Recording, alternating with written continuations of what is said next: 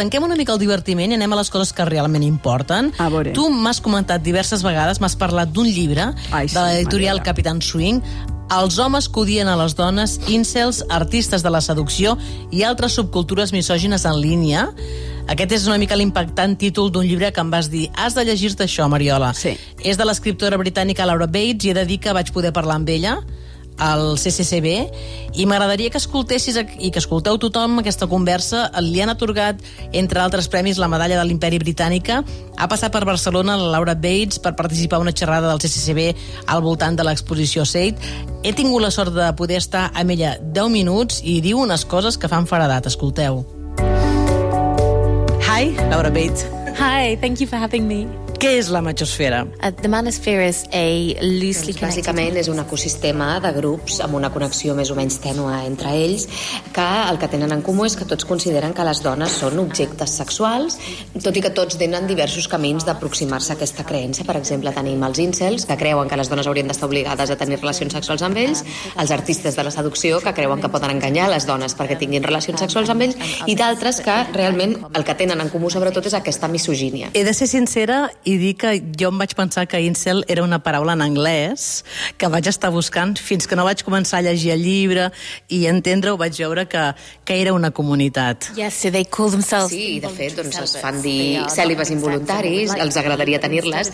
El que passa és que en lloc de preguntar-se què és el que tenen o què és el que fan que els impedeix tenir relacions sexuals, culpen a les dones, consideren que el sexe és una cosa que les dones les estan negant i que se les hauria de castigar per això. Aquesta comunitat ve d'una altra comunitat que va crear la Alana amb uns altres objectius. Yes, so it started out as a, a supportive kind Sí, de fet, eh, d'entrada era doncs, una comunitat de suport i de recolzament a, doncs, a persones que no tenien, no podien tenir relacions sexuals, però s'ha acabat convertint en una comunitat exclusivament masculina, no hi admeten dones, que bàsicament es dedica a incitar la, la violència i l'odi en el món real contra les dones. inciting offline hatred and violence against women.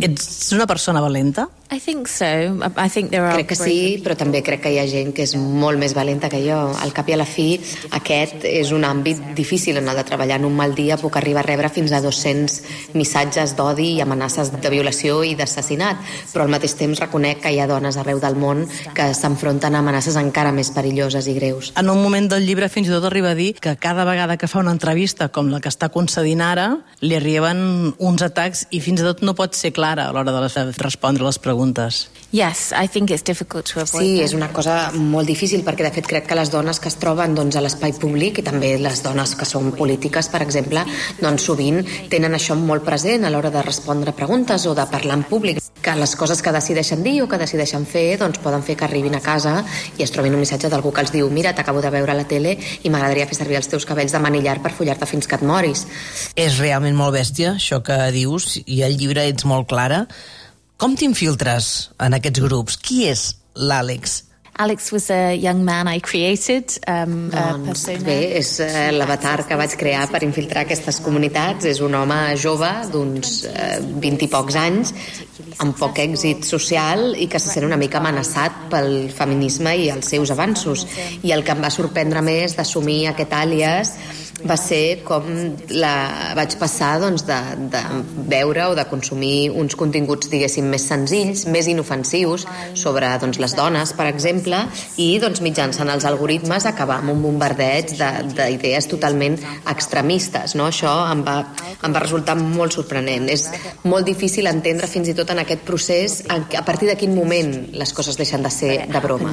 quite gradually and it's difficult to put your finger on when it stopped being a joke. Activistes pels drets dels homes s'autonomenen, no? Sembla fins i tot una broma, no? Sembla una mica còmic aquest títol. Potser per això són encara més perillosos, no? Absolutely, and they use that very deliberately because it gives Exactament, i ho fan servir d'una manera molt deliberada per cobrir-se amb una pàtina de respectabilitat i al final això el que els dona doncs, és un accés als mitjans, un cert aire de legitimitat on doncs, afirmen preocupar-se doncs, per les necessitats dels homes, pels problemes dels homes, quan en realitat l'únic que fan és atacar les dones i atacar el feminisme i abraçar doncs, els estereotips sobre la masculinitat, la, la masculinitat doncs, que ha de ser dominadora, que no pot mostrar-se vulnerable, que en el fons és el que està perjudicant els homes en realitat. Moltes de les converses o, o els vídeos es podien considerar com a mínim eh, incitació a l'odi, no? La policia els investiga, realment? They're definitely advocating hate. They're Ah, sí, sí, per descomptat, que inciten a l'odi. De fet, d'una manera molt explícita i deliberada, diuen, doncs anem a massacrar les dones, anem a violar-les. I la resposta és no. Fins, pel que jo sé, a cap país això s'investiga, en cap cas. De fet, és una cosa sobre la que hi ha molt poca informació. Vaig trucar a algunes organitzacions mentre em documentava pel llibre de doncs, activisme anti-odi i, de fet, no, no els sonava de res, això dels incels. Vull dir, és una, un punt sec pel que fa doncs, a la vigilància violència de, de, de l'odi. Els seus discursos aparentment amagats influeixen més del que ens pensem en els debats públics? Absolutely. I mean, for example, in Spain... Sí, de fet, a Espanya, per exemple, doncs una cinquena part dels joves considera que la violència de gènere és una invenció ideològica. A Estats Units, més d'un 25% dels homes afirmen que mai es deixarien, mai es, estarien a soles amb una dona en un lloc de treball. Um, al Regne Unit, la creença de que les acusacions de, falses de violació són un fenomen superestès és molt prevalent. I, de fet, tot això són exemples d'idees que han sorgit doncs, en aquests àmbits i que s'han propagat molt d'una manera molt efectiva a la societat en general, fins i tot a gent que en cap cas consumeix aquesta mena de continguts. Fa anys eh, que reps amenaces diàries, i no només pels teus llibres, sinó per un projecte web molt interessant, no? que és Every Sex Sims Project, una plataforma on es poden denunciar de forma anònima les situacions del sexisme. Ens pots explicar una mica com funciona aquesta plataforma? Yes, so it's a platform where anybody of any gender anywhere in the world doncs, can share... Mira, és una web on qualsevol qualsevol persona del món, de qualsevol gènere, de qualsevol país, eh, pot compartir algun testimoni sobre desigualtat entre els gèneres, des de doncs, eh, assetjament al carrer, discriminació en el lloc de treball, violència sexual, i aleshores nosaltres el que fem és agafar aquests testimonis i fer-los servir doncs, per, per produir canvis en el món. Doncs, per exemple, pel que fa a les agressions sexuals, doncs, intentem millorar l'educació sexual a les escoles, pel que fa a l'assetjament al transport públic, doncs, treballem les agències competents per, perquè la policia estigui més al cas. En el cas de Dinamarca, per exemple, també ens va servir doncs, per canviar la manera com s'abordava el tractament mediàtic de les dones polítiques. Com es pot aconseguir que la força d'aquesta web tingui un efecte en la vida real, no només virtual? Bé, jo crec que també es pot fer servir com a recurs per entendre un fenomen que potser no toca molta gent directament, no? Penso que la, aquella gent doncs, que té familiars o companys que comparteixen l'opinió de que el sexisme ja és una cosa del passat i que ja no existeix, doncs se'ls pot adreçar a la web i allà doncs, mitjançant el botó de cerca doncs, poden buscar doncs, el seu poble o a l'àmbit on treballen i així veuran doncs, que les dones doncs, que viuen al mateix lloc que ells o que es dediquen al mateix professionalment, doncs veure la mena d'experiències que pateixen. Clar, una de les coses que sorprenen del llibre és que tu dius de forma molt contundent que no són una minoria insignificant, no? Fins i tot arribes a explicar que un cop que entres en la web 4chan, unes plataformes de troleig més importants, o sigui, quasi no pots llegir els missatges de tants que n'entren un milió al dia. Absolutely, and it's growing ever faster. Doncs sí, això de fet és una popularitat que està creixent cada vegada més de pressa. De fet, doncs, des de que vaig començar el llibre, el número de clics a Fortran s'ha multiplicat per 5 i això en gran part es deu doncs, als algoritmes de les plataformes de les xarxes socials que aboquen a la gent aquest contingut i que això té un impacte molt real en, doncs, en el món real, com si diguéssim, perquè eh, el que fa és amplificar aquestes veus fins al punt que acaben rebent doncs, impactes o visionats de eh, desenes de milers de milions. En un moment del llibre relaciona la machosfera amb la dreta alternativa. A què et refereixes? És que de veritat comences a llegir el llibre i et vas pensant en perfils molt d'ultradreta realment i en un altre moment també parla de GAP com la xarxa social de la ultradreta, és a dir, que fa com un cert paral·lelisme, no? So, of course, both belief systems share a um, inherent sense Doncs of tots dos sistemes de creences comparteixen moltes coses. Comparteixen, per exemple, la idea que tenen un dret legítim a una sèrie de coses que algú els està intentant prendre i eh, agafen doncs, un equilibri de poder real i li donen la volta de manera que els oprimits es converteixen en els opressors. En el fons també en la, la machosfera hi ha molta, mis- molt de racisme racisme i a la dreta, a l'extrema dreta hi ha molta misogínia també, no?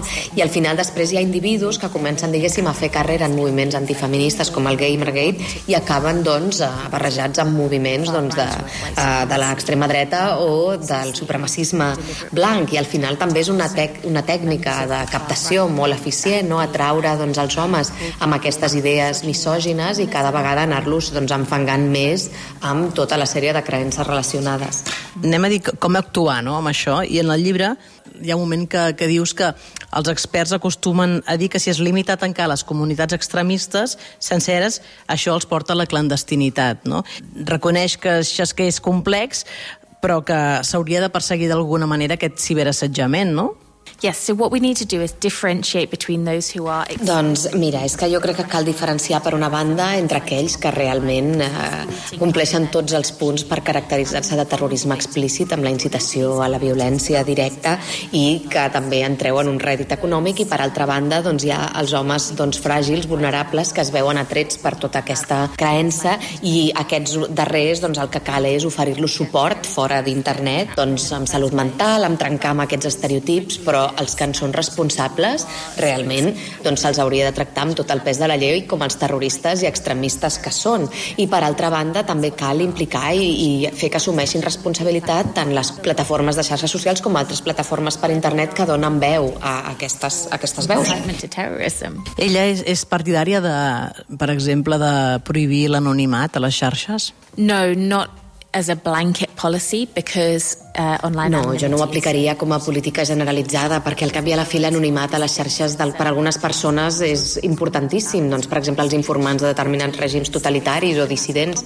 Um, I en aquest sentit jo no defensaria això. Jo el que defenso és que les empreses eh, doncs, tant de plataformes de xarxes socials com d'altres serveis d'internet es facin responsables del que passa en els seus espais perquè el problema és que ara estem parlant d'empreses que tenen un negoci i uns beneficis que superen el, el pressupost de molts països petits, no? I aleshores el que està passant és que no tenen un incentiu doncs, per vigilar-ho perquè ara mateix se'n beneficien enormement. Molts el que s'aferren és això, no? El, el tema de la llibertat d'expressió que sembla que valgui per tot, no? Yes, it's used incorrectly in many cases. Bé, és que crec que és un terme que es fa servir de manera incorrecta molt sovint, no? Perquè al final eh, no entenen que la, la llibertat d'expressió no és llibertat d'incitar a la violència, per exemple, i que de fet en molts d'aquests uh, fòrums, per exemple, doncs no s'aplica perquè ja hi ha unes directrius sobre el que la pàgina permet i no permet el fer els seus usuaris. Um, I per altra banda, sembla que en aquest sentit la misogínia és un punt sec per totes aquestes, uh, per totes aqu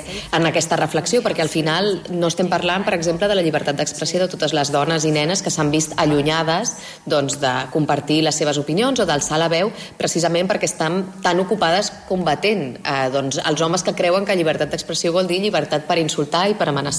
Què els hi diries als pares i mares que estan preocupats pel que consumeixen, pels continguts que consumeixen els seus fills menors a les xarxes? Jo em considero tecnooptimista. Tu també ho ets en aquest aspecte? I'm an optimist too. I think this has to get better. Um, I think that this is a societal... Sí, jo també sóc optimista i crec que tot millorarà al cap i a la fi. Um, aquest és un problema social que s'ha vist amplificat per la tecnologia, no és un problema que l'hagi creat la tecnologia. Um, una cosa que jo recomano als pares és que s'intentin familiaritzar amb els espais online que visiten els seus fills, um, perquè el que està passant és que per primera vegada a la història tenim una generació de no natius digitals que estan fent de pares i mares d'una generació que sí és nativa digital. Això per una banda. L'altra és mantenir sempre un diàleg obert, començar doncs, tan aviat com sigui possible a mantenir converses freqüents i breus que realment mantinguin obertes aquestes línies de comunicació per qualsevol cosa que pugui sorgir més endavant. I que això que diu també a vegades es pot ser una excusa per mantenir una conversa amb el teu fill superinteressant, no? Eh, fins i tot una excusa d'algun, no sé, d'un creador de continguts o un youtuber que digui alguna cosa pot ser una excusa per parlar de temes importants, no? Absolutely. And the that you doncs sí, i a més a més crec que com més es parlin doncs, o més s'animi a parlar doncs, de coses que es veuen online, um, doncs més s'animarà a, a parlar-ne sense que això suposi cap mena d'estigma o de tabú, um, perquè el que penso és que quan aquestes coses uh, es, es cobreixen de vergonya és quan s'amaguen no? i diguéssim es van infectant. Thank you, Laura. Thank you so much. Doncs bé, aquesta és l'entrevista que vam poder fer al CCCB gràcies a la Marta Armengol, que és qui ha fet la, la traducció d'aquesta conversa. Clar, Mariela Cubells, coses que moltes vegades que comentem, no? però clar, més enllà, una dona valenta que s'ha infiltrat en aquests fòrums que no són insignificants i que, doncs, això, important explicar-ho també, no? Eh, mira, a més, en el llibre deixa clar que la tecnologia, en este cas, és de veres, és la que ha, eh, també te ho diu a tu, no? És la que ha amplificat el problema social i l'ha eh, i l'ha desbaratat, no? Perquè és de veres, tu dius, soc tecnooptimista, jo també, però en este cas concret, sense el món tecnològic, sense les xarxes, sense aquesta comunitat digital que tenen, no podrien haver fet les coses que ells continuen fent, no? Uh -huh. I això és super important i jo sí que a mi, eh, quan llitges el llibre te n'adones que és molt sensat, eh? que te n'adones de que demanar responsabilitat a aquestes empreses per controlar continguts que són de veres terrorisme, perquè ella ho conta sí. molt bé, no? que qualsevol altra eh, situació semblant en un, altre, en un altre paradigma està considerat com a terrorisme. En canvi, en això, en això no. I aprofitar-se de la feblesa és el que a ells els hi fa, els hi fa grans. Uh -huh. El llibre jo... Sí, sí, ja interessant que, que explicar-ho. El, recomane, el recomane molt perquè conta molt bé això, no? Com la tecnologia mal usada eh, pot destrossar-ho tot i com ben usada al contrari, no? I ella, de fet... No, I també explicar que hi ha això, que no, que, que no mirem cap a una altra banda, que això Clar. està passant i és, i, i que hem de ser conscients que hi sigui, i ho diu amb tota la cruesa, que, que això està molt bé. Escolta, deixem-ho aquí, Maria Locubells, interessant, ho podeu recuperar a catradio.cat barra pop-up, doncs, perquè realment és una conversa intensa.